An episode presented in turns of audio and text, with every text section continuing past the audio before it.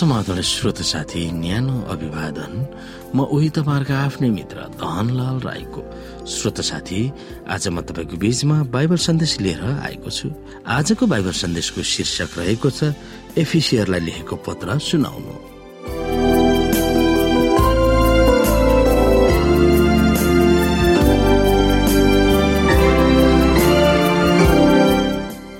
श्रोता महानगरी एफिसमा धेरै घरेलु चर्चहरू थिए।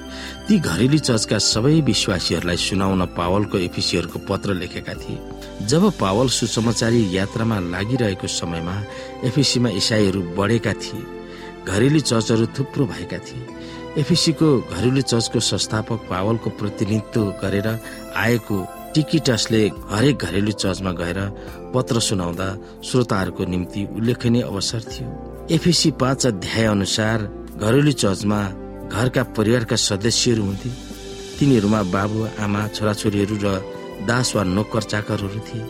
यदि त्यो घर व्यापारीको घर थियो भने त्यस घरले सम्हालेका अरू मानिसहरू र उपभोक्ताहरू पनि हुन्थे। त्यसकारण घरेलु चर्चमा तिनीहरू पनि संलग्न हुन सक्दथे। स्वत साथी ती घरेलु संगतिहरूमा केही रूपरेखाहरू एफिसीको पत्रमा हामी हेर्न सक्छौँ। सबैजना मिलेर पढ्दा केवल त्यस पुरै पत्रमा कुन विषयवस्तुहरू त्यहाँ हामी घन्किएको पाउँछौँ? यहाँ हामी हेर्न सक्छौ एफिसी एक अध्यायको एक र दुईमा पत्रको सुरुवात वा अभिवादनबाट। र एफिसी एक अध्यायको तिनदेखि चौधसम्ममा हामीले हेर्यौँ भने परिचयात्मक वा आशिषको कुराहरू। र यसै गरी एफिसीको पुस्तकलाई एक अध्यायलाई पन्ध्रदेखि तेइसलाई हेऱ्यौँ भने ख्रिस केन्द्रित बुद्धि ज्ञान विश्वासीहरूलाई पाउन् भनेर प्रार्थना गरेको कुराहरू। त्यसै गरी एफिसी दुई अध्यायको दुईदेखि दसलाई हेरौँ भने एक फेरा आत्मिक रूपमा मुर्दा भएका जब ख्रिससँग बिउतिएका वा उचालिएका विषयमा। र एफिसी दुई अध्यायलाई हामी हेरौँ भने यहुदीहरू र अयहुदीहरू वा अन्य जातिहरूबाट ख्रिस्टले सृजना गर्नुभएको चर्चको बारेमा यसै गरी एफिसी तीन अध्यायलाई हामीले हेरौँ भने अन्य जाति वा अयहुदीहरूलाई सुसमाचार सुनाउने पावलको कुराहरू त्यसै गरी एफिसी तीन अध्यायको चौधदेखि एक्काइसलाई हेऱ्यौँ भने विश्वासीहरू ख्रिसको प्रेमको अनुभव गरून् र त्यही प्रेमले जिउन् भनेर प्रार्थनाको कुराहरू। यसै गरी एफिसी चार अध्यायको एकदेखि सोह्रलाई हेरौँ भने पवित्र आत्माले प्रेरित गरिएका एकता वा चर्चले पक्रेर राख्नुपर्ने कुराहरू। र यसै गरी एफिसी चार अध्यायको सत्रदेखि एक बत्तीसलाई हेरौँ भने एकताको जीवनलाई पोसाएर नयाँ जीवन व्यतीतको कुराहरू। प्रेममा ज्योतिमा र ज्ञान बुद्धिमा हिँड्नुपर्ने कुराहरू इसाई घर परिवारमा ख्रिसको ढाँचामा मोडेको जीवन व्यवहारमा उतार्नु पर्ने कुराहरू।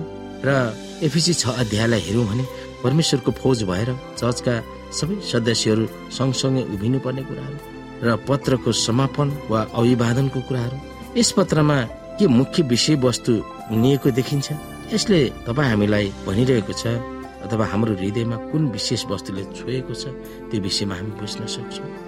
यहाँनिर हामी हेर्न सक्छौ श्रोता एफिसी चार अध्यायको एकदेखि सोह्र जुन पवित्र आत्माले प्रेरित भएको एकता वा चर्चले पक्रेर राख्नुपर्ने कुराहरू यहाँ छ यहाँ लेखिएको छ यसकारण म प्रभुको निम्ति एक कैदी तिमीहरूलाई आग्रहपूर्वक विन्ती गर्दछु कि जुन बोलावटमा तिमीहरू बोलाइएका छौ त्यो योग्यको जीवन यापन गर। सारा दिनता नम्रता र धैर्यसँग एउटाले अर्कालाई प्रेममा सहेर शान्तिको बन्धनमा पवित्र आत्माको एकता कायम राख्न प्रयत्न गर। शरीर एउटै छ र पवित्र आत्मा एउटै हुनुहुन्छ जसरी तिमीहरू बोलाइँदा एउटै आशामा बोलाइएका थियो। जुन आशा तिमीहरूको बोलावटसँग गाभिएको छ। एउटै प्रभु एउटै विश्वास र एउटै बत्तिसमा हामी सबैका एउटै परमेश्वर र पिता जो सबैमाथि सबैका मध्य र सबैमा हुनुहुन्छ। तर ख्रिसको वरदानको नाप अनुसार हामी हरेकलाई अनु अनुग्रह दिएको छ। यसकारण यसो भनेको छ। उच्चमा चढिजानु हुँदा कैदीलाई बन्दी बनाएर लानुभयो र मानिसहरूलाई वरदान दिनुभयो। अब यो उच्चमा चढिजानु भयो भनेको चाहिँ के हो? केवल यही कि उहाँ पृथ्वीको तल्लो भागमा ओर्लनु पनि भयो? उहाँ जो ओर्लनु भयो उहाँले सारा स्वर्गहरू भन्दा धेरै माथि चढिजानु भयो र यस हेतुले कि समस्त थोकलाई उहाँले भरिपूर्ण पार्न सकुन्। अनि उहाँका वरदानहरू चाहिँ यिनै थिए कि कोही प्रेरितहरू कोही अगमवक्ताहरू कोही प्रचारकहरू कोही मण्डलीका पास्टरहरू र कोही शिक्षकहरू बनु कि ख्रिसको शरीर निर्माण होस् र सेवाको काम गर्न सन्तहरू सुसज्जित हुन्।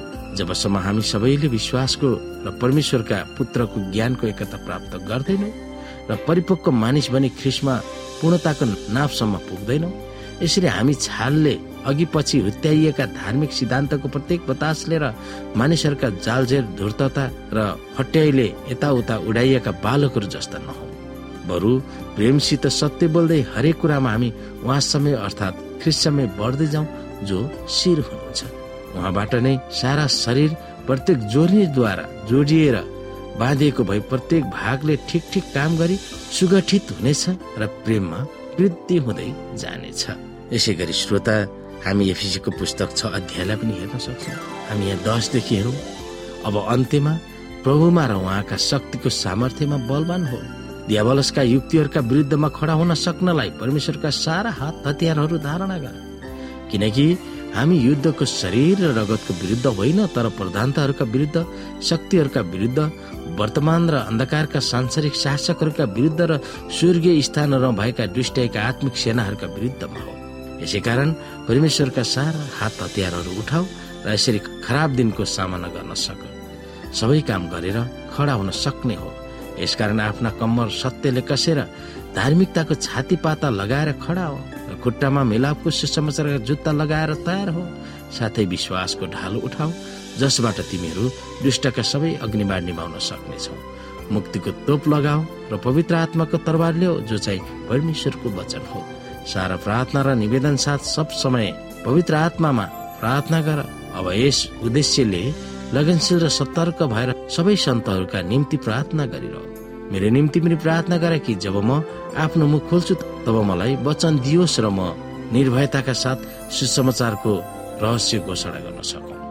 जसको निम्ति म साङ्लाले बाँधिएको एक राजदूत हुँ र जसरी मैले बोल्नु पर्ने हो त्यसरी म साहससँग बोल्न सकौँ भनेर पावलले यहाँ सम्झाइरहेको कुरा हामी हेर्न सक्दछौ। श्रोता साथी आजको लागि बाइबल सन्देश यति नै। हस्त नमस्ते जय मसिंह।